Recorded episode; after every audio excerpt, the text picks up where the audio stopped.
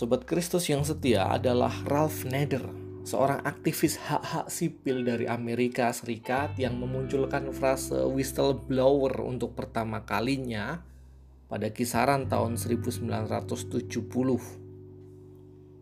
dengan merujuk pada tiupan peluit yang biasa digunakan wasit di dalam pertandingan untuk menunjukkan pelanggaran, maka kata whistleblower pun digunakan bagi siapa pun yang dengan berani menyampaikan kebenaran.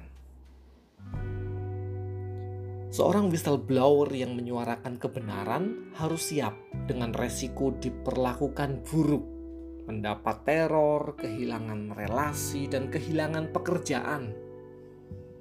Seperti misalnya yang dialami oleh jurnalis Chen Hiuxi yang dibungkam dan dikarantina paksa oleh otoritas pemerintah Cina pasca ia membuat laporan kritis dan mengisahkan tentang kebenaran penyebaran wabah COVID-19 di Wuhan untuk pertama kalinya kepada dunia pada kisaran bulan Januari 2020. Nah, di dalam perjanjian lama, Musa dan Harun adalah whistleblower yang mengungkapkan kebenaran Allah.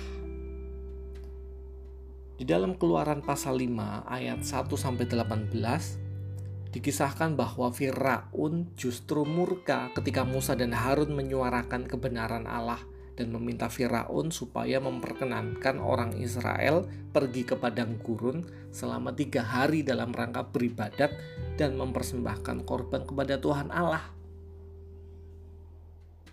Alih-alih membebaskan orang Israel untuk beribadat, Firaun justru semakin memperberat penindasan yang dilakukannya terhadap orang Israel.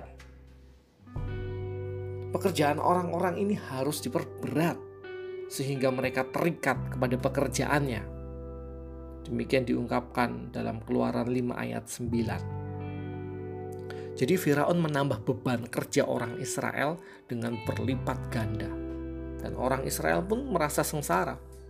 Sebab Firaun memerintahkan supaya orang Israel tetap membuat batu bata sesuai target dalam sehari tanpa sama sekali memberikan jerami yang berguna untuk proses pembakaran batu bata.